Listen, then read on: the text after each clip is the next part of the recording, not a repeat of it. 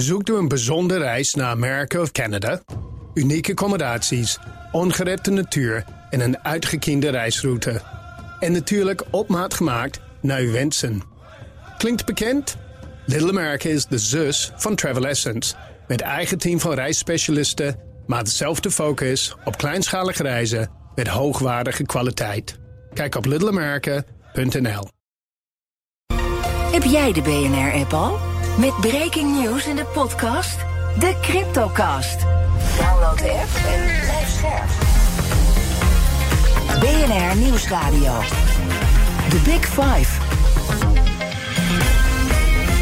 Art Rooijakkers. Sommige mensen zitten net op een ander spoor dan de rest. Zij proberen met hun denkbeelden de samenleving en macht scherp te houden. In BNR's Big Five van de dwarsdenkers praat ik met hen over hun werk en de dossiers die hen bezighouden. We kijken door hun bril naar de actualiteit en de maatschappij. Vandaag doe ik dat met Tim Fransen. Hij is comedian, hij is ook filosoof en psycholoog. Welkom. Dankjewel, leuk om hier te zijn. Ja, ik vind mooi om met jou deze week af te kunnen sluiten. En we gaan het over een heleboel dingen hebben, over de rode draad in jouw shows bijvoorbeeld. Maar ik wil graag eerst twee dingen van je weten. Eerste is, meteen even een makkelijke vraag om in te komen. Wat hebben comedy, filosofie en psychologie met elkaar gemeen? Hmm. Ik denk dat ze alle drie gaan over de menselijke gebrekkigheid. Dus uh, ja, psychologie is evident, gaat over ja, is eigenlijk het in, in kaart brengen van onze irrationaliteit. als we ja, volledig rationeel waren geweest, dan hadden we aan de logica genoeg. De filosofie gaat denk ik over ja, de gebrekkigheid van het bestaan. We zijn kwetsbaar, sterfelijk. Er is niet echt een handleiding of een briefing geweest van wat hier nou eigenlijk de bedoeling is. Daar moeten we iets mee. We moeten moeilijke keuzes maken tussen ja, goed en slecht. En, en daarin hebben we ook geen absolute antwoorden. En comedy gaat eigenlijk ook ja, we, we hebben eigenlijk ook een, een komische bril op, op die gebrekkigheid. Maakt niet uit welke comedyfilm je aanzet. Er gaat altijd iets mis. Het gaat altijd over dingen die mislukken. Mhm. Eh, of het nou iemand. Uh, het klassieke beeld van de man die uitglijdt over de banaan. is natuurlijk slapstick. Maar ook als je het ingewikkeld maakt, gaat het altijd over, ja, over dingen die mislukken. Mensen die falen, mensen die in hun hemd staan. Um, dus eigenlijk is het een, een andere blik op hetzelfde. Ja, en dat, datzelfde is het menselijk tekort. Het menselijk tekort, ja. ja. Eh, tweede vraag is, ik las dat je, dat heb je ook wel vaker gezegd, van nature geen podiumdier bent. Ik las zelfs dat je je schaamt als een grap wel eens mislukt. Omdat je afvroeg van ja, ik sta hier op het podium, dan moet het wel allemaal lukken. Wat gaat er eigenlijk door je heen vlak voordat je zo'n podium opgaat? Ja, het is wel heel veel minder geworden. Maar in, zeker in, mijn beginjaren was dat een, een, dominante emotie, kan ik wel zeggen, ja. Ik moest, ik trouwens, toen ik hier binnenkwam, want je begint over mijn ja, het prille begin van mijn comedycarrière. Ik was 19, had ik een klein comedyfestivalletje meegedaan. Het bestaat inmiddels ook niet meer. Ja? Comedyconcours van het Amsterdamse Kleinkunstfestival. En dat had ik toen uh, gewonnen. En toen had ik mijn eerste radio-interview. En het was hier. Het mijn allereerste radio-interview was hier bij BNR. In deze studio ook? Of was het een andere studio? En volgens mij een andere, een andere studio. Ik dacht iets hoger in het gebouw. Ja. En ik, ja, toen was ik ook natuurlijk zenuwachtig. Ik was 19, was ik toen ja, tiener tijd. Dus heb ik, uh, om mezelf moed in te drinken, had ik een paar slokjes Passoa had ik, genomen. Ja. Om het aan te durven. Wat heb je vandaag gedronken? Vandaag hou ik het bij water. maar uh, toen heb ik ook gezegd. Dat, dat, dat, raakt mijn moeder me nog altijd na. Toen heb ik in het interview gezegd dat ik mijn gevoel voor humor niet van mijn moeder had. Ja, dat, ja, dat achtervolgt mij nog tot op de dag van Wil je het rechtzetten bij deze, op deze zender waar het ooit begon? Moeder, ik hou van je. En uh, je hebt hele goede kwaliteiten. En humor hoort er niet bij? Humor hoort er niet bij.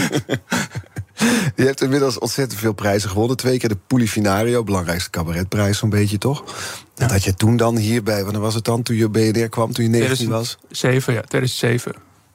Dan droom je wel van een carrière, maar dit is niet, zit dat in je voorstellingsvermogen op zo'n moment? Dat, dat zo'n carrière zich zo ontvouwt zoals zich bij jou nu heeft gedaan? Nee, maar ik moet ook bekennen dat ik eigenlijk nooit echt een voorstelling daarvan heb, heb gehad. Um, maar ja, het zijn superleuke bevestigingen natuurlijk. Dat je, dat je, zeker voor iemand die geen podiumdrang heeft van nature... Of, of die zich niet helemaal thuis voelt van nature op een podium... inmiddels meer, maar ja, dan is het, dan is het fijne bevestiging dat je er mag staan. Dat je mhm. bestaansrecht hebt en de, Dat je mag doen wat je. Want het, is, het blijft toch iets, iets mafs. Dat je de, de aandacht opeist van, van honderden mensen. Die, waarvan je zegt: jongens, betaal voor mij een kaartje, regel oppas. Geloof me, ik, ik, ga jullie een goede avond. Ja, dat is, dat is nogal wat. Ja. ja. Hoe doe je dat dan? Want er zit dus, dat is een weg die je aflegt. De eerste stap op een podium is anders dan de stappen die je er nu op zet. Dus waar is er een omslagpunt of gaat het geleidelijk? Hoe, hoe leer je zelf van ik mag hier staan? Ja, gaat denk ik heel geleidelijk. En er is ook een hele geleidelijke route. Dus bij stand-up comedy begin je meestal met 10 minuten spelen of zo. En op een gegeven moment ga je het uitbouwen naar 20 minuten.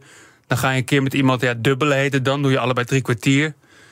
En dan is er nog best een flinke stap naar een avondvullende voorstelling. Maar daar heb je gewoon de tijd voor. En dat gaf mij ook de tijd om vertrouwd te raken met het podium. En uh, ja, inmiddels voelt het wel een beetje als, als mijn tweede natuur. Wordt zo'n podium bijvoorbeeld minder klein?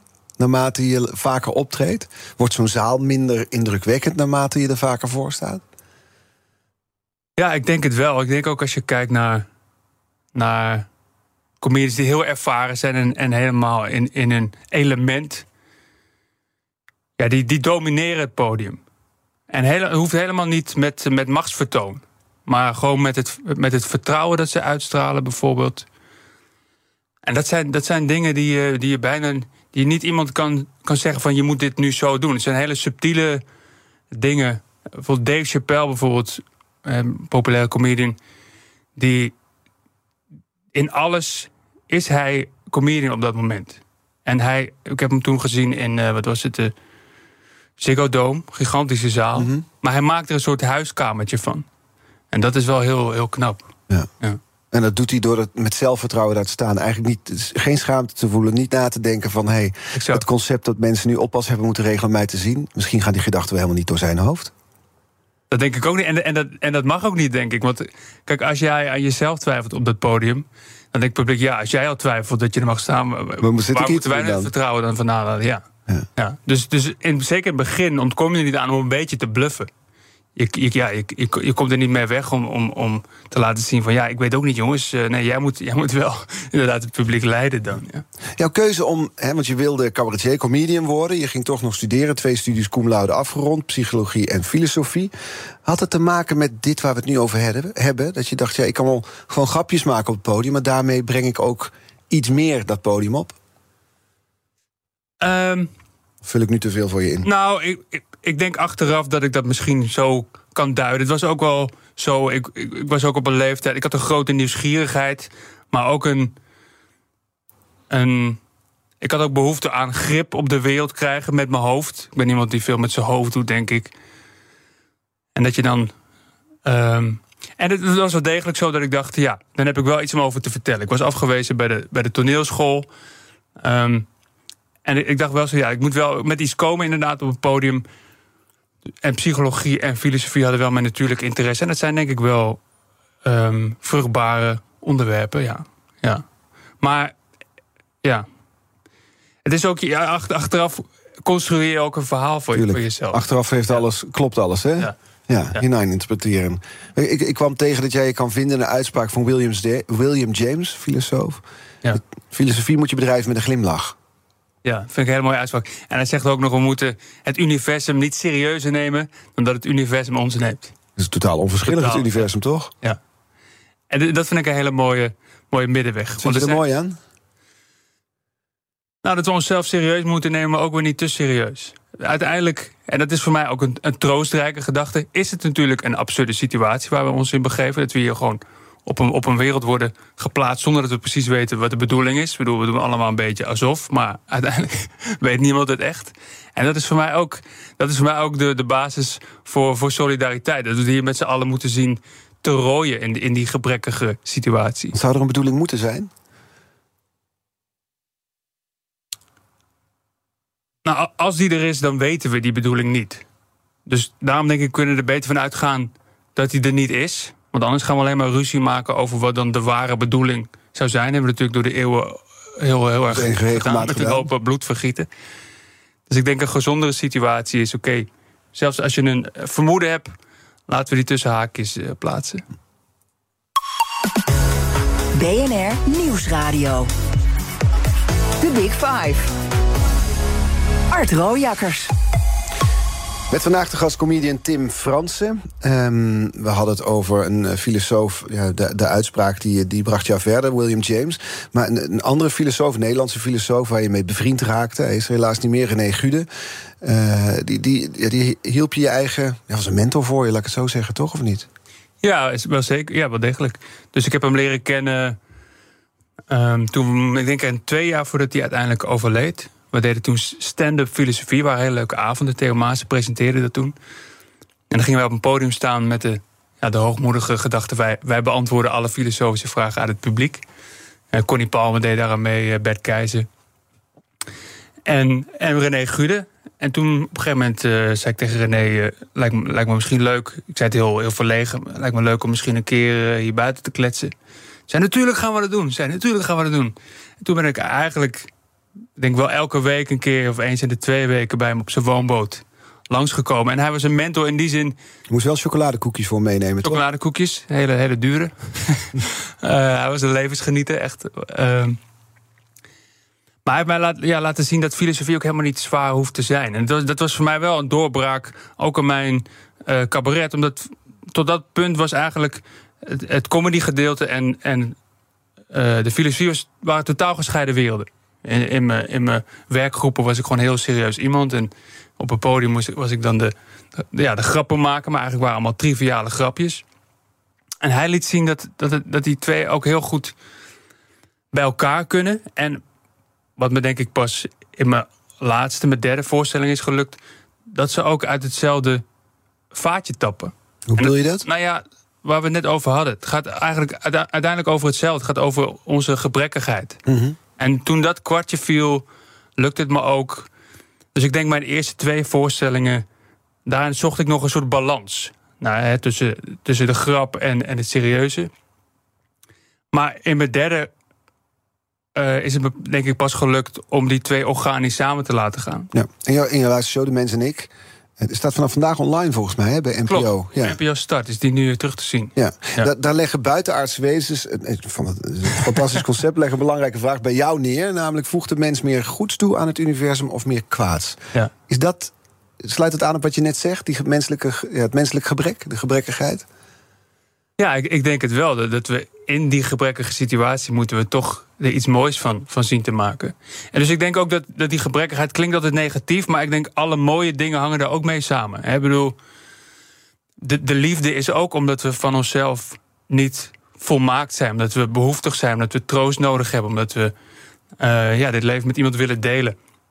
Hetzelfde geldt voor ja, het feit dat, we, dat, ik, dat ik sterfelijk ben, is, is, een, is een pijnlijk en tragisch besef. Maar het alternatief, dat we het, het, het oneindige, het eeuwige leven zouden hebben, dat zou helemaal verschrikkelijk zijn. Want dan staat er niks meer op het, op het spel. Dus um, ik weet niet meer wat je vraag eigenlijk was. Nou, ik vroeg die, die vraag die buitenaardse wezens dus aan jou stellen in, uh, in jouw show De Mens en Ik. Namelijk of wij als mens meer toevoegen aan, of aan het universum. Is dat meer goed of kwaad? Ja. Of dat eigenlijk verwijst naar die menselijke gebrekkigheid? Ja, nou, dat, dat wil ik dus. inderdaad zeggen. Dat, dat die in die gebrekkigheid moeten we ook het goede zien te doen. Um, wij hebben onszelf niet geheel bescheiden, hebben we onszelf de Homo sapiens genoemd, mhm. de wijze mens. Dat zegt misschien ook iets over onze, onze ijdelheid. Want alle andere dieren hebben we gewoon een soort neutrale naam gegeven. Kip, kat, rat. Bij onszelf hebben we even een veertje in de reet uh, gestoken. ja. En dan hebben we ook iets waar te maken. En ik denk aan de ene kant, als je naar de wereld kijkt, is dat niet altijd het geval. Maar ik denk wel dat wij het vermogen hebben. En dat is wat bijvoorbeeld volgens Aristoteles wijsheid is, praktische wijsheid. Dat wij het vermogen hebben om keuzes te maken tussen goed en slecht, omdat we niet samenvallen met onze verlangens. Ja, als je bijvoorbeeld zo'n uh, zo'n vliegje ziet die elke keer op, tegen de lamp aanbotst, die, die wordt gedreven door zijn verlangens, heeft, heeft, kan er niet op reflecteren. Wij kunnen dat wel. Dus wij hebben ook het vermogen om goed te doen. Dat is moeilijk. We, daarom kunnen we instituties bouwen die ons daarbij helpen. Een rechtsstaat, uh, noem het dan maar op. Journalistiek is, natuurlijk een belangrijke. En dat is een heel bijzonder vermogen, denk ik. Um, en, en daarin ligt ook onze verantwoordelijkheid om, om uh, ja, in een wereld die van zichzelf niet per se goed is. Het universum is niet, zit, de goedheid zit niet in het weefsel van het universum. Maar wij hebben wel denk ik een mogelijkheid om, om de menselijke conditie op te tillen, als het ware. Maar is dan de mens de enige die in staat is om iets goeds te doen? Is dat dan de conclusie? Kunnen dieren niet iets goeds doen omdat ze die, uh, die realisatie niet hebben, die, uh, dat bewustzijn? Ik denk dat er dus een bepaald zelfbewustzijn voor nodig is. Ik denk dat sommige dieren hebben dat. Dus voor sommige apen hebben wel degelijk rechtvaardigheidsgevoel. Um, dus, dus ik denk zeker niet dat de mens zo bijzonder is. Dat, dat de mens soms een over de, overtreffende trap is op hem. Dat zei Darwin ook al. De, de mens verschilt niet categorisch, maar gradueel van andere dieren. Maar bijvoorbeeld kleine kinderen dichten we ook geen morele verantwoordelijkheid toe, omdat die nog niet dat bewustzijn hebben ontwikkeld. Mm Wat is het volgens mij? Onder 12 jaar kun je ook geen gevangenisstraf uh, krijgen. Dus er is wel degelijk een, een bepaald vermogen voor nodig om goed te doen. Ik denk dat is wel een heel andere vraag dan uh, moeten we dieren. Uh, Kijk, je hebt de vraag als moreel subject. Ja, die wordt meteen heel technisch, technisch maar dan is, kan een wezen goed doen. Mm -hmm. um, en je hebt, ook de vraag van wat is een moreel object? En dat is, verdient een wezen onze uh, morele consideratie? En dat is natuurlijk een, dan kom je op een andere vraag. Kan een, kan een wezen pijn lijden? Dan is, dan is dat een meer leidende vraag. Maar bijvoorbeeld een, een kind van drie... Ja, kan misschien geen morele keuzes maken... maar we weten wel allemaal... we kunnen wel moreel handelen tegenover een kind van drie. We kunnen een kind van drie onrecht aandoen. Daar twijfelt niemand aan. Nee. En de, ik denk, om de, om de parallel door te trekken. Uh, dat geldt denk ik voor heel veel dieren ook. Uh, die, die, hebben misschien niet een moreel geweten, maar wij hebben wel een verantwoordelijkheid om goed te doen richting die dieren. Ja. Zeker, dat is zeker zo. En tegelijkertijd, ik, ik moet in één keer denken aan een uitspraak van een bioloog die ik ooit sprak. Die zei: Moet je je voorstellen, de VN-veiligheidsraad. Die komt bij elkaar, maar bestaat deze keer niet uit mensen, uit chimpansees. Zo ongeveer een half minuut voordat die hele zaal één grote teringzooi wordt. dus we hebben ook een bepaalde verantwoordelijkheid, inderdaad ook dus naar dieren of überhaupt naar de aarde waarop we leven. Omdat wij als mensen in staat zijn met al onze gebreken, ons zo'n instituut als dat dus te laten functioneren met al zijn gebreken die erbij horen. Dat denk ik ook. Ik denk, zeker als je kijkt naar de natuur, is heel veel vreedheid in de natuur. De, de natuur, we hebben soms een romantisch beeld van de natuur, maar de natuur, iedereen eet elkaar op. Dus, dus het, wij, wij kunnen daar ook iets in verbeteren wat, wat in de natuur niet is. Ja. Dus die grap van, wie is dat ook weer? Ik dacht Louis C.K., de comedian, die zei... wat hebben wij een voorrecht als mensen dat wij zo vredig in onze slaap kunnen overlijden... terwijl bijna elk ander wezen op aarde eindigt door, door een ander opgegeten te worden. Ja. Bah, een ding wat naar je hoofd gaat. Zullen we het over iets lichters hebben? Bed and Breakfast vol liefde? De verbaas je over, hè, op nu.nl. nou ja, redactrice vroeg... Wat inspireert je nou? En ik zei, ja, het begint met een gevoel van verwondering of irritatie. Toevallig had ik die dag net een bericht gelezen op nu.nl. En ik, ik stond er helemaal niet bij stil dat jij dat programma presenteerde. Ja, iedereen in mijn omgeving kijkt dat nu. Dus ik voel me ook een beetje buitengesloten. Dus ja. daar kwam zeker ook een deel van de irritatie. Je mag bij de club hoor. en uh, was een bericht van Walter. Ik weet, ik weet niet wie Walter is. Maar dat is een van de deelnemers, een van de bed and breakfast houders. Ja. ja. En blijkbaar was er een gerucht dat uh, hij al een vriendin had tijdens het programma. Ja. Ik weet niet of jij uh, het gerucht kan bevestigen. Ik, nee, ik kan het niet bevestigen. En ook niet ontkennen. Hij kende iemand en daar heeft hij nu een amoureuze relatie mee. En dus ja. dachten de vrouwen die naar hem toe gingen om de liefde te vinden. Ja. Dan hebben wij een, wel een eerlijke kans gehad. Was hij niet eigenlijk al verliefd op die andere vrouw? Ja, ja.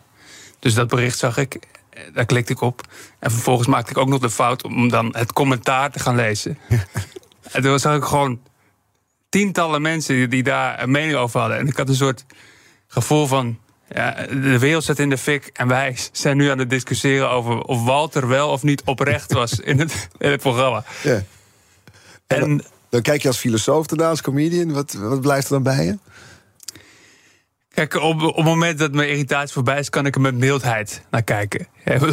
ik zeg de wereld in de fik, maar de, de situatie is ook zo absurd dat wij tegenwoordig op onze telefoon al het wereldleed kunnen zien. Soms komt het bij je binnen. Nou, als je het allemaal zou toelaten, zou je gek worden. Tegelijkertijd als we allemaal... Dus we hebben Walter nodig. In zekere zin wel. Dus Walter, Walter biedt ons ook een beetje, een beetje troost in die zin. Dus, dus een beetje afleiding, een beetje... Eh, ik met mijn beroepsgroep cabaret is daar denk ik ook voor een deel onderdeel van. Dat mm -hmm. je mensen eventjes verlichting kan bieden van... En de andere kant is natuurlijk de vraag: wanneer verliezen we ons in zoveel onzin dat we, dat we, dat we ons kop in de zand steken voor wat er, wat er gaande is? En daar, daar is geen antwoord op. We moeten ergens een middenweg zien te vinden. Dus ik, ik heb ook mijn onzinnigheden waar ik me aan vastklamp. Mm Maar blijkbaar kan ik de onzinnigheden van anderen eh, minder, minder goed verdragen dan die van mezelf. Volgens mij is dat er heel menselijk om weer te zijn. Gisteren had ik uh, een uh, Fijke Siemensma te gast. Hij is voormalig DSM-topman.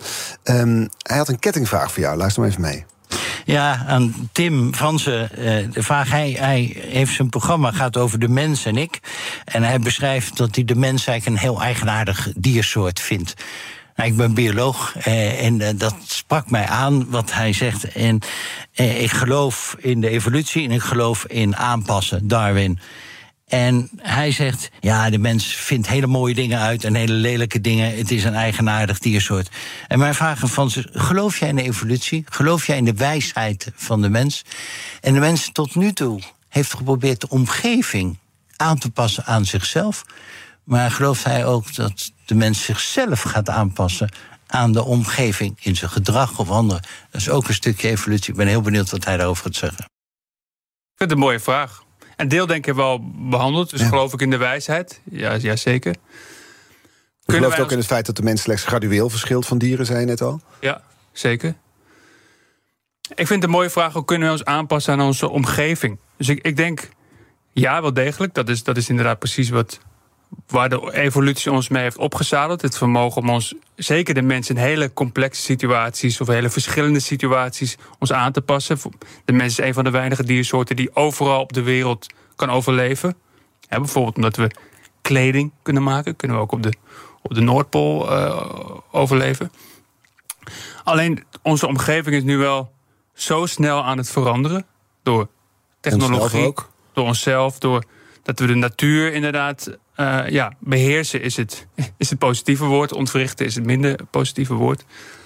Maar de wereld is ook veel grootschaliger dan, dan, dan we gewend zijn. Of tenminste gewend zijn in evolutionaire zin. Dus ik denk, grappig genoeg, dat met Darwin gesproken... de evolutie ook nu met, met een aantal obstakels heeft, heeft opgezadeld. Wij mensen zijn heel goed in groepen overleven... maar we zijn ook heel goed om te denken in wij en zij. En ja, 10.000 jaar geleden is dat alleen maar een voordeel als je sterk bent samen met je groep. Mhm. Op het moment dat je het met de hele wereld moet gaan zien te rooien, simpelweg omdat onze technologie zo krachtig is dat we onszelf kunnen vernietigen, of, uh, of omdat we het klimaat beïnvloeden en we daarin moeten samenwerken. Um, op, dat, op het moment dat je dan nog de hele tijd in wij en zij denkt, dan is het een, een obstakel waarbij we eigenlijk misschien wel onze evolutie moeten overstijgen. En of, of we die stap kunnen maken, dat is een lopend experiment. We gaan er zo over verder spreken. Dan praten we ook over hele andere zaken. Bijvoorbeeld hoe het is om samen te werken met andere cabaretiers. Hoeveel grappen van Tim gebruikt worden door anderen. Dus ik praat zo met hem verder. Comedian Tim Fransen, blijf luisteren. Zoekt u een bijzondere reis naar Amerika of Canada? Unieke accommodaties, ongerepte natuur en een uitgekiende reisroute. En natuurlijk op maat gemaakt naar uw wensen. Klinkt bekend? Little America is de zus van Travel Essence. Met eigen team van reisspecialisten, maar dezelfde focus op kleinschalige reizen met hoogwaardige kwaliteit. Kijk op littleamerica.nl.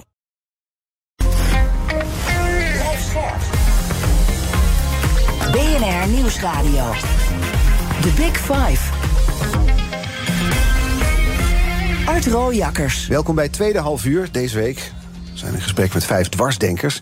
Eerder deze week was er bijvoorbeeld Tom Middendorp, oud-commandant der strijdkrachten, over het waarom van de klimaatverandering en waarom dat ook een veiligheidsprobleem is. Het is terug te luisteren via onze eigen BNR-app. Vandaag de gast Tim Fransen, comedian, ook filosoof en psycholoog. psycholoog. Het komende half uur wil ik graag nog twee onderwerpen sowieso met je bespreken. Namelijk de toekomst. Wat wil je nog bereiken als comedian? En over samenwerking met andere comedians. Dat vind, vind ik interessant. Want, want, hoe werkt dat? Spar jij veel met vakgenoten over grappen, over je shows? Hoe, hoe ziet dat eruit? Solitair ja, ik, denk dat er een soort natuurlijke samenwerking is. En ook wel een gevoel van solidariteit. Dus ik ben onderdeel van Comedy Train. We hebben een... Uh, een thuisclub Toemler. Zit mhm. onder het Amsterdam, in Amsterdam. En er is een, ja, wel, iedereen weet hoe spannend is, het is, hoe moeilijk het is om comedy te doen. En ik denk dat dat, dat schept een zekere band. Mm Dus er is een. Uh, als je dingetjes probeert, iedereen. iedereen ja, uh, iedereen let op. Iedereen kijkt als het goed is. En uh, na afloop dan komen er soms mensen naar je toe van... hé, hey, misschien kan je dit nog doen. Dat mensen met zinnetjes aankomen. En ja, dat is, dat is eigenlijk een hele informele vorm van samenwerking. En dat vind ik ook heel, heel leuk dat het zo gaat. Ik, ik, in, mijn, in mijn eerste show zat, zat, een, zat een stukje. En uh, ja, het was best wel vaak zo dat, dat mensen dan naar me toe kwamen. Ja, dat, dat vond ik echt een fantastische grap. En dat was dan net het zinnetje dat iemand anders had bedacht. Dat is ook, ook met je pijnlijk ben. maar ja, zo, zo probeer je elkaar te helpen. Dat, dat, is, dat is ook leuk. Want iemand, dat is een beetje de afspraak. Iemand claimt het onderwerp. Mm -hmm.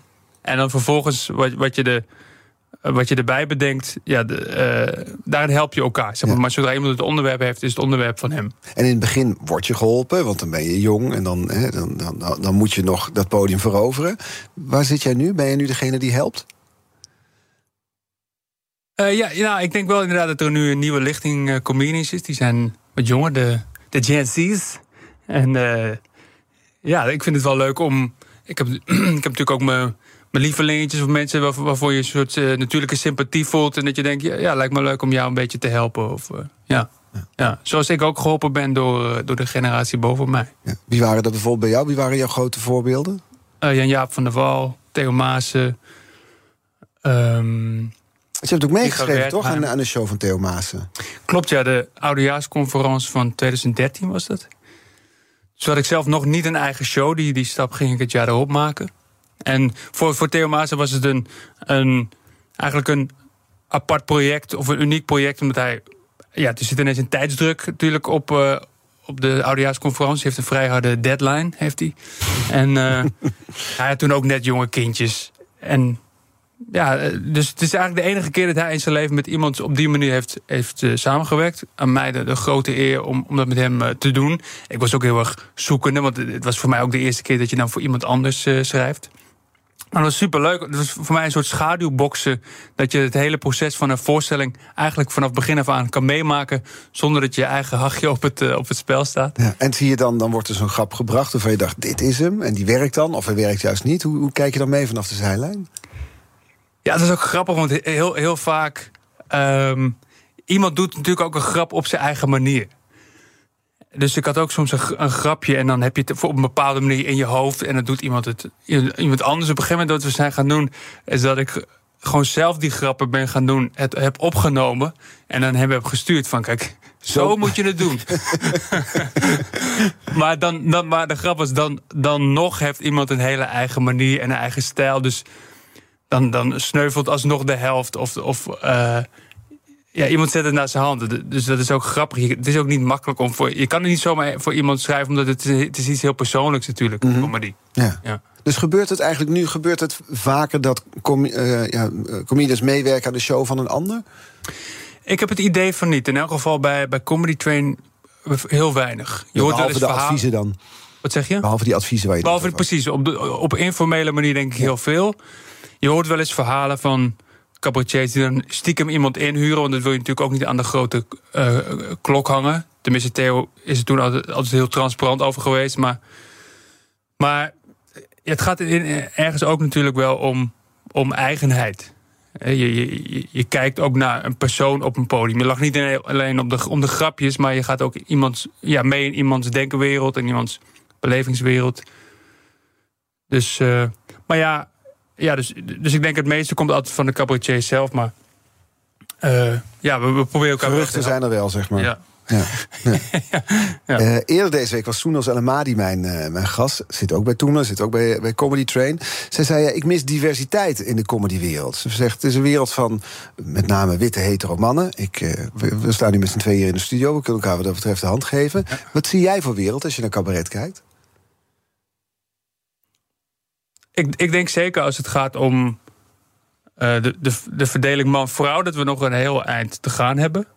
Uh, de overgrote meerderheid van de comedians bij Comedy Train, überhaupt denk ik, in het Nederlandse landschap, is, is man. Ik mhm. denk dat wij ook als Comedy Train daar ook nog echt een, een, een paar stappen te zetten hebben. Dat we een fijne omgeving hebben. Er, er is wel degelijk.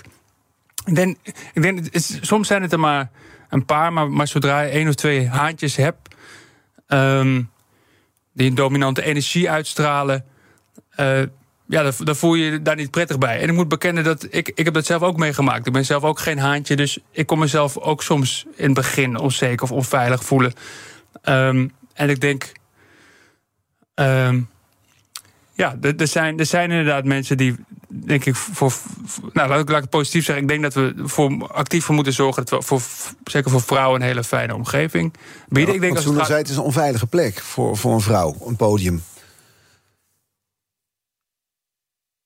Ja, ik, ik, kijk, ik met mijn zeven vinkjes eh, kan het ook alleen maar aannemen dat zij haar ervaringen heeft die, die ik niet heb. dus, dus daarom probeer ik me ook daarvoor open te stellen.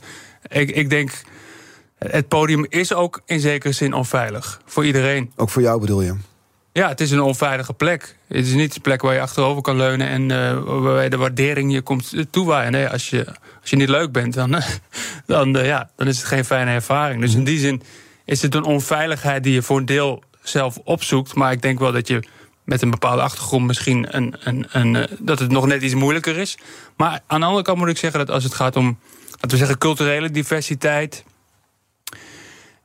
Zie comedy- zeker Comedy Train maar ook gewoon de stand-up comedy wereld echt eigenlijk wel als, als een plek die juist voorop loopt. Ik sta regelmatig met, met op avonden dat ik als eh, witte heteroseksuele man eh, ver in de minderheid ben.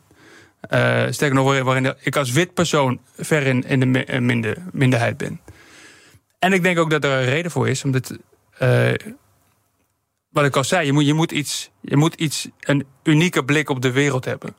En in die zin denk ik dat, dat een andere culturele achtergrond kan een voordeel zijn. Hè, die hebt ervaring die anderen niet, niet hebben. En toch zei Soenels, ik moet twee keer zo hard werken als vrouw van kleur dan een, een, een, een witte man om hetzelfde succes te bereiken. Snap je die, die, die, die stelling? Ja, ik hoop dat dat niet zo is, maar eh, ja, blijkbaar heeft zij die ervaring. Ja. Ik, ik probeer heel bewust te zijn van de privileges die, die, eh, die, die ik heb. Ehm, ik, ik heb niet het gevoel dat. Ja, we hebben bijvoorbeeld nu een aantal. eh, eh, ja, de jonge comedians, een aantal hebben Turkse achtergrond. Eh, dus de jonge Gl- Glody, die heeft ook eh festivaletjes gewonnen. Die, die heeft een. heeft Congolese achtergrond met een Brabants accent. Ja, hij, komt het podium op en, en iedereen is meteen verliefd op hem. Eh, alleen door de combinatie van, van, van het, ja, een afwijkend uiterlijk met, met zo'n accent. Eh, dus dan denk ik, ja, als je. eh, sommigen weten het ook voor zich te laten werken. Maar misschien dat het wel degelijk is op andere vlakken dat, dat het moeilijker is met. met maar ja, ik, ik hoop van de, van de culturele wereld eigenlijk, en misschien is dat zelfbedrog, dat we juist daarin progressief genoeg zijn. Ik bedoel, wat ik zeg, wij comedians zijn ons ook heel erg van bewust van die diversiteit. Dus als er een eh, nieuwe auditieronde is, de, de meerderheid vindt het alleen maar, moedigt dat alleen maar aan als, als, als we mensen die, die misschien een achterstand hebben, dat we die eh, een beetje extra helpen. Ja. Maar het zit hem niet alleen bijvoorbeeld bij jullie. Ze is altijd over impresariaten met veel te veel macht. Eh, dat er dan bijvoorbeeld eh, theaterprijzen of comedyprijzen zijn... waar ze zegt, ja, tel maar eens, het zijn nooit mensen van een andere achtergrond die daar winnen. Dat komt omdat eh, bij zo'n impresariaat bijvoorbeeld... dat daar gewoon te veel macht geconcentreerd zit. Jij zit bij zo'n groot impresariaat, Bunker is dat volgens mij. Ja. Heeft het voor jou dan deuren geopend die anders gesloten waren gebleven? Ja, ik vind het een hele moeilijke vraag. Ik, ik, heb niet, ik heb zelf niet die indruk. Maar goed, dat is natuurlijk altijd zo met privileges. Dat zijn de dingen waar je, waar je blind voor bent, omdat Ja. ze vanzelfsprekend voelen misschien. Maar ik, heb, ik, heb, ja, ik, heb, ik, ik kan dat niet eh, be- bevestigen. Nee. Nee. Dus die ervaring van Soenders, dan zeg je van... ja, ik, ik herken ja, vanuit jouw eigen ervaring... is niet iets wat je herkent. Nee, dus, dus ik geloof dat zij dat zo ervaart. Maar dat is inderdaad een andere ervaring dan de mijne. Maar goed, in die zin, nogmaals, ik heb ook eh, zeven vinkjes. Dus misschien heb ik ook minder recht van spreken. Maar ja, ik, ik, eh, ik, ik, ik herken het niet. Nee. Want het, lijkt me namelijk, wat jij net zegt over die, die, die, de comedywereld en de culturele wereld, nou, vooral de comedywereld, is dat iets waarvan ik dacht, er worden de verschillen gevierd. Daar had ik het met Soenos ook over. Ik dacht van ja, daar, juist op een podium kun je je eigen achtergrond, of je eigen tekortkoming, of je eigen wereldbeeld, kun je helemaal uitbouwen en uit ja, eigenlijk gebru- gebruik van maken. Nou ja, sterker nog, ik denk, ehm, we hebben ook een aantal jongens, dat zijn dan toevallig uh, witte, witte mannen. Die moeten echt hun best doen om, om te laten zien dat ze iets unieks hebben. Van oké, maar wat maakt jou dan aan anders? Of zit ik gewoon weer naar, naar een, een, een, een Theo kloon te kijken? Precies. Dus, ik, dus dat is mijn indruk dat we inderdaad die, dat die verschillen als vanzelfsprekend worden gevierd. Omdat het juist gaat om iets creatiefs, iets unieks brengen. Uh, en dat je, ja, als je, als je bij de massa hoort, om het zo maar te zeggen, of, of, bij, of bij de dominante stroom, dat je niet per se een voordeel hebt. Mm -hmm. Dus ik denk op het podium dat het zeker niet tegen hoeft te werken. Maar Soeners heeft het misschien dat, dat het buiten het podium, hè, bepaalde kansen die je krijgt. Dat, dat, zou, dat zou kunnen. Ja. Zoekt u een bijzondere reis naar Amerika of Canada? Unieke accommodaties, ongerepte natuur en een uitgekiende reisroute. En natuurlijk op maat gemaakt uw wensen. Klinkt bekend? Little America is de zus van Travel Essence. Met eigen team van reisspecialisten, maar dezelfde focus op kleinschalige reizen met hoogwaardige kwaliteit. Kijk op littleamerica.nl. De Big Five. Art Rooijakkers. Je luistert naar BNR's Big Five van de dwarsdenkers. Eerder sprak ik dus met Soenal Salamadi bijvoorbeeld over hoe zij met humor onrecht wil bestrijden. Het is terug te luisteren via onze eigen app en dus die podcastkanalen. Vandaag de gast uh, comedian Tim Fransen. Vroeg mij af, moet jij nou, want je hebt twee studies cum laude afge, afgerond. Moet jij eigenlijk wel eens dommer voordoen op podium dan je bent? uh, ik denk soms komt het voor een grap goed uit om, om even dom te spelen. En soms komt het juist goed uit om. Dat was, dat was een beetje dingen. Mijn eerste voorstelling dat ik mezelf presenteerde als degene die alle antwoorden had. Mhm. Dat ik bij wijze voor een zaal met snackbarhouders uh, zat. Aan wie ik het eventjes moest uitleggen allemaal. Ik denk het is leuk om ermee te spelen. Uh, ik, denk, ik denk wel dat er veel comedians zijn of cabaretiers. Ik denk dat bijna alle cabaretiers zijn bovenmatig intelligent, denk ik. Bovengemiddeld intelligent. Maar het is zeker wel voor een aantal deel het geld dat, het, dat ze iets dommer spelen. Bij, bij de onnozelen of de. En dat het ook leuk kan werken, maar dat ze stiekem wel degelijk weten hoe het, hoe het zit. Slimmer spelen doe je nooit, denk ik. Ah, Micha Wertheim heeft er wel een goede carrière uit. Klopt wel, ja. ja. Komen er veel filosofen eigenlijk in, in comedyclubs? Als jij ergens staat? Of in theater? Nee, die, die indruk heb ik niet. Nee. nee. Zou zo wat kunnen brengen misschien? Ja, ik, ik weet niet. Ik denk met een glimlach, dat, filosofie met een schaterlach. Nou ja, ik, ik geloof dus heel erg in, in die combinatie. Ja. ja. ja. We laten even de comedy schrijven opzij. We gaan het hebben over je boek waar je nu mee bezig bent. Een nieuw boek komt eraan. Uh, rond januari komt het uit volgens mij. Ja, dat is de bedoeling. Ja. Gaat over het vooruitgangsgeloof. Ja, het geloof waar jij en ik mee zijn op, uh, opgegroeid. Ja, het wordt altijd allemaal beter. Als allemaal beter. Ja. En op een gegeven moment kwamen daar scheurtjes in bij mij. Um, en het boek gaat eigenlijk over. Um, ja, dat het niet alleen. Ik denk dat het nu wel duidelijk is geworden dat het, dat het een eenzijdig verhaal is uh, geweest. Ik denk om, voor de goede orde dat het, dat het wel degelijk ook. Dat het voor de helft wel degelijk klopt. Als je kijkt naar, weet ik veel, een eeuw geleden. De levensverwachting is zo'n beetje verdubbeld. We zijn gemiddeld genomen welvarende. We hebben allerlei ziektes weten te bestrijden. Het notabene twee van mijn dierbare vrienden die voor wie tijdens hun leven uh, een medicijn, een, reddend medicijn is ontwikkeld. Nou, een eeuw geleden, twee eeuwen geleden, geleden zou je daar niet op hoeven, hoeven hopen. Mm Maar het is het, het, het, het, halve verhaal. En met de andere helft eh, zijn we een beetje in de shit uh, uh, beland. En dan hebben we het over het klimaat, hè? Want jij zag een inconvenient truth, al lang geleden alweer. Ja. ja, en niet alleen over het klimaat. Dus dat was denk ik wel het, het moment voor mij dat inderdaad er wat scheurtjes kwamen in het idee dat het alleen maar beter zou worden.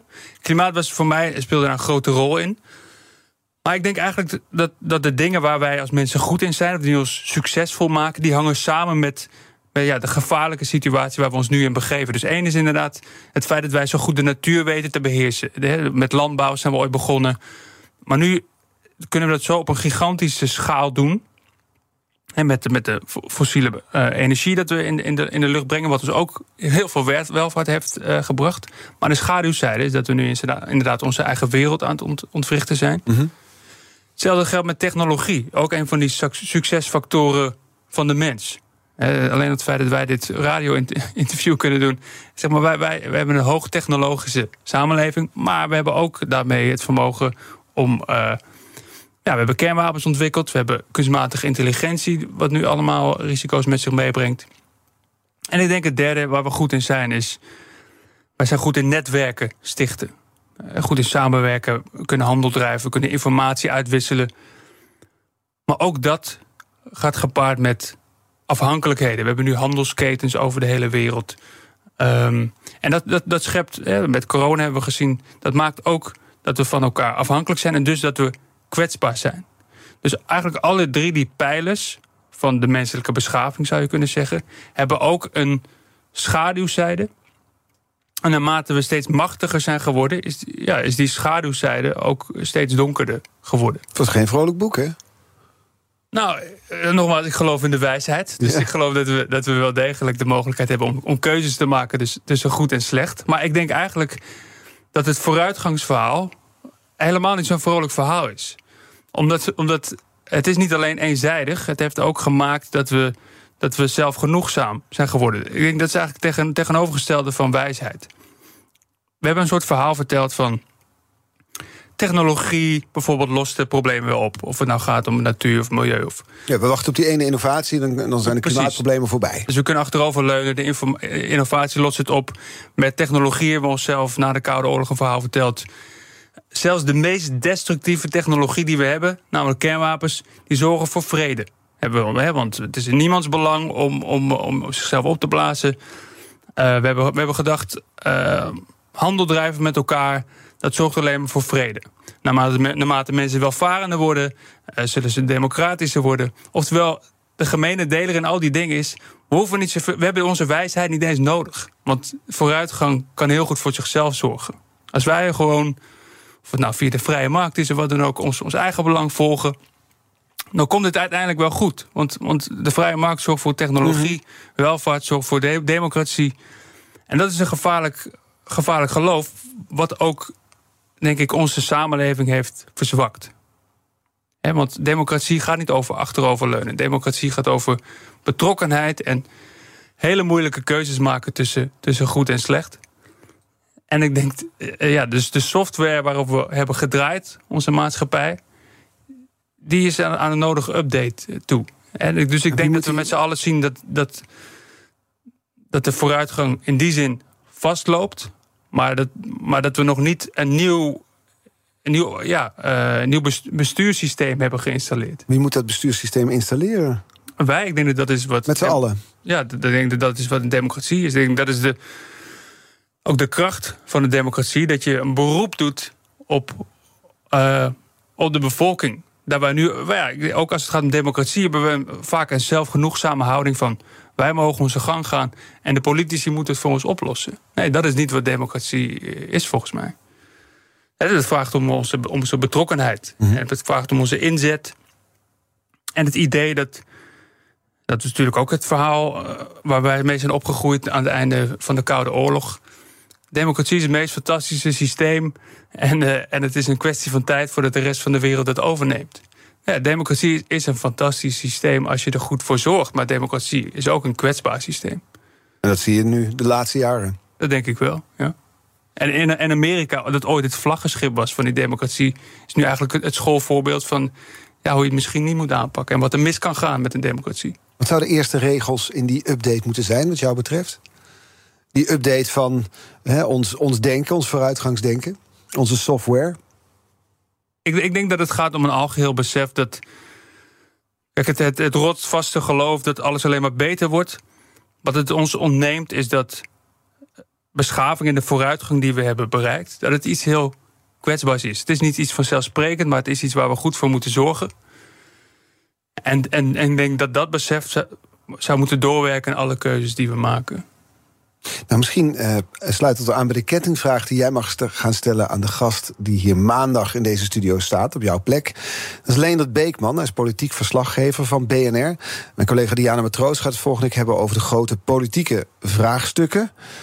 Sluit misschien wel aan bij wat je net vertelde. Wat, wat zou je Leendert Beekman willen vragen? Ja, ik, weet, ik, ik weet niet of het aansluit, maar ik ben heel benieuwd om Leendert te vragen naar democratische vernieuwingen, waar het nu soms over gaat. Dus eh, eigenlijk heb ik twee vragen als het mag. Dus Ja, de ene hoor. gaat over eh, de politieke versnippering, waar je regelmatig over hoort. Hè, ik denk straks met de komende verkiezingen krijgen we er straks weer allemaal eh, mini-partijtjes bij. Ik denk bijvoorbeeld aan het eh, CDA. En eh, mijn vraag is: is die versnippering nog terug te draaien? Is het iets eh, wat nodig is? En de tweede vraag gaat ook over democratische vernieuwing. Een aantal partijen, volgens mij ChristenUnie en Volt, volgens mij, die willen het aantal ze- zetels in de Tweede Kamer uitbreiden naar 250. En ik ben benieuwd uh, bij Leendert of u denkt dat dat een goed idee is. Het wordt een maandag voorgelegd door mijn collega Diana Matroos... dus in eh, BNR's Big Five van de grote politieke vraagstukken. We hebben deze week afgesloten samen, Tim. De week van de dwarsdenkers hier bij BNR's Big Five. Alle afleveringen zijn uh, terug te luisteren. Dat kun je doen via onze podcast, in onze app... of via je favoriete podcastkanaal, hoef je geen aflevering te missen. En nu op deze zender, dus Thomas van Zijl... gaat iets met taartenbakken doen in BNR Zaken doen. Dag. Zoekt u een bijzondere reis naar Amerika of Canada? Unieke accommodaties, ongerepte natuur en een uitgekiende reisroute. En natuurlijk op maat gemaakt naar uw wensen. Klinkt bekend? Little America is de zus van Travel Essence. Met eigen team van reisspecialisten, maar dezelfde focus op kleinschalige reizen met hoogwaardige kwaliteit. Kijk op littleamerica.nl.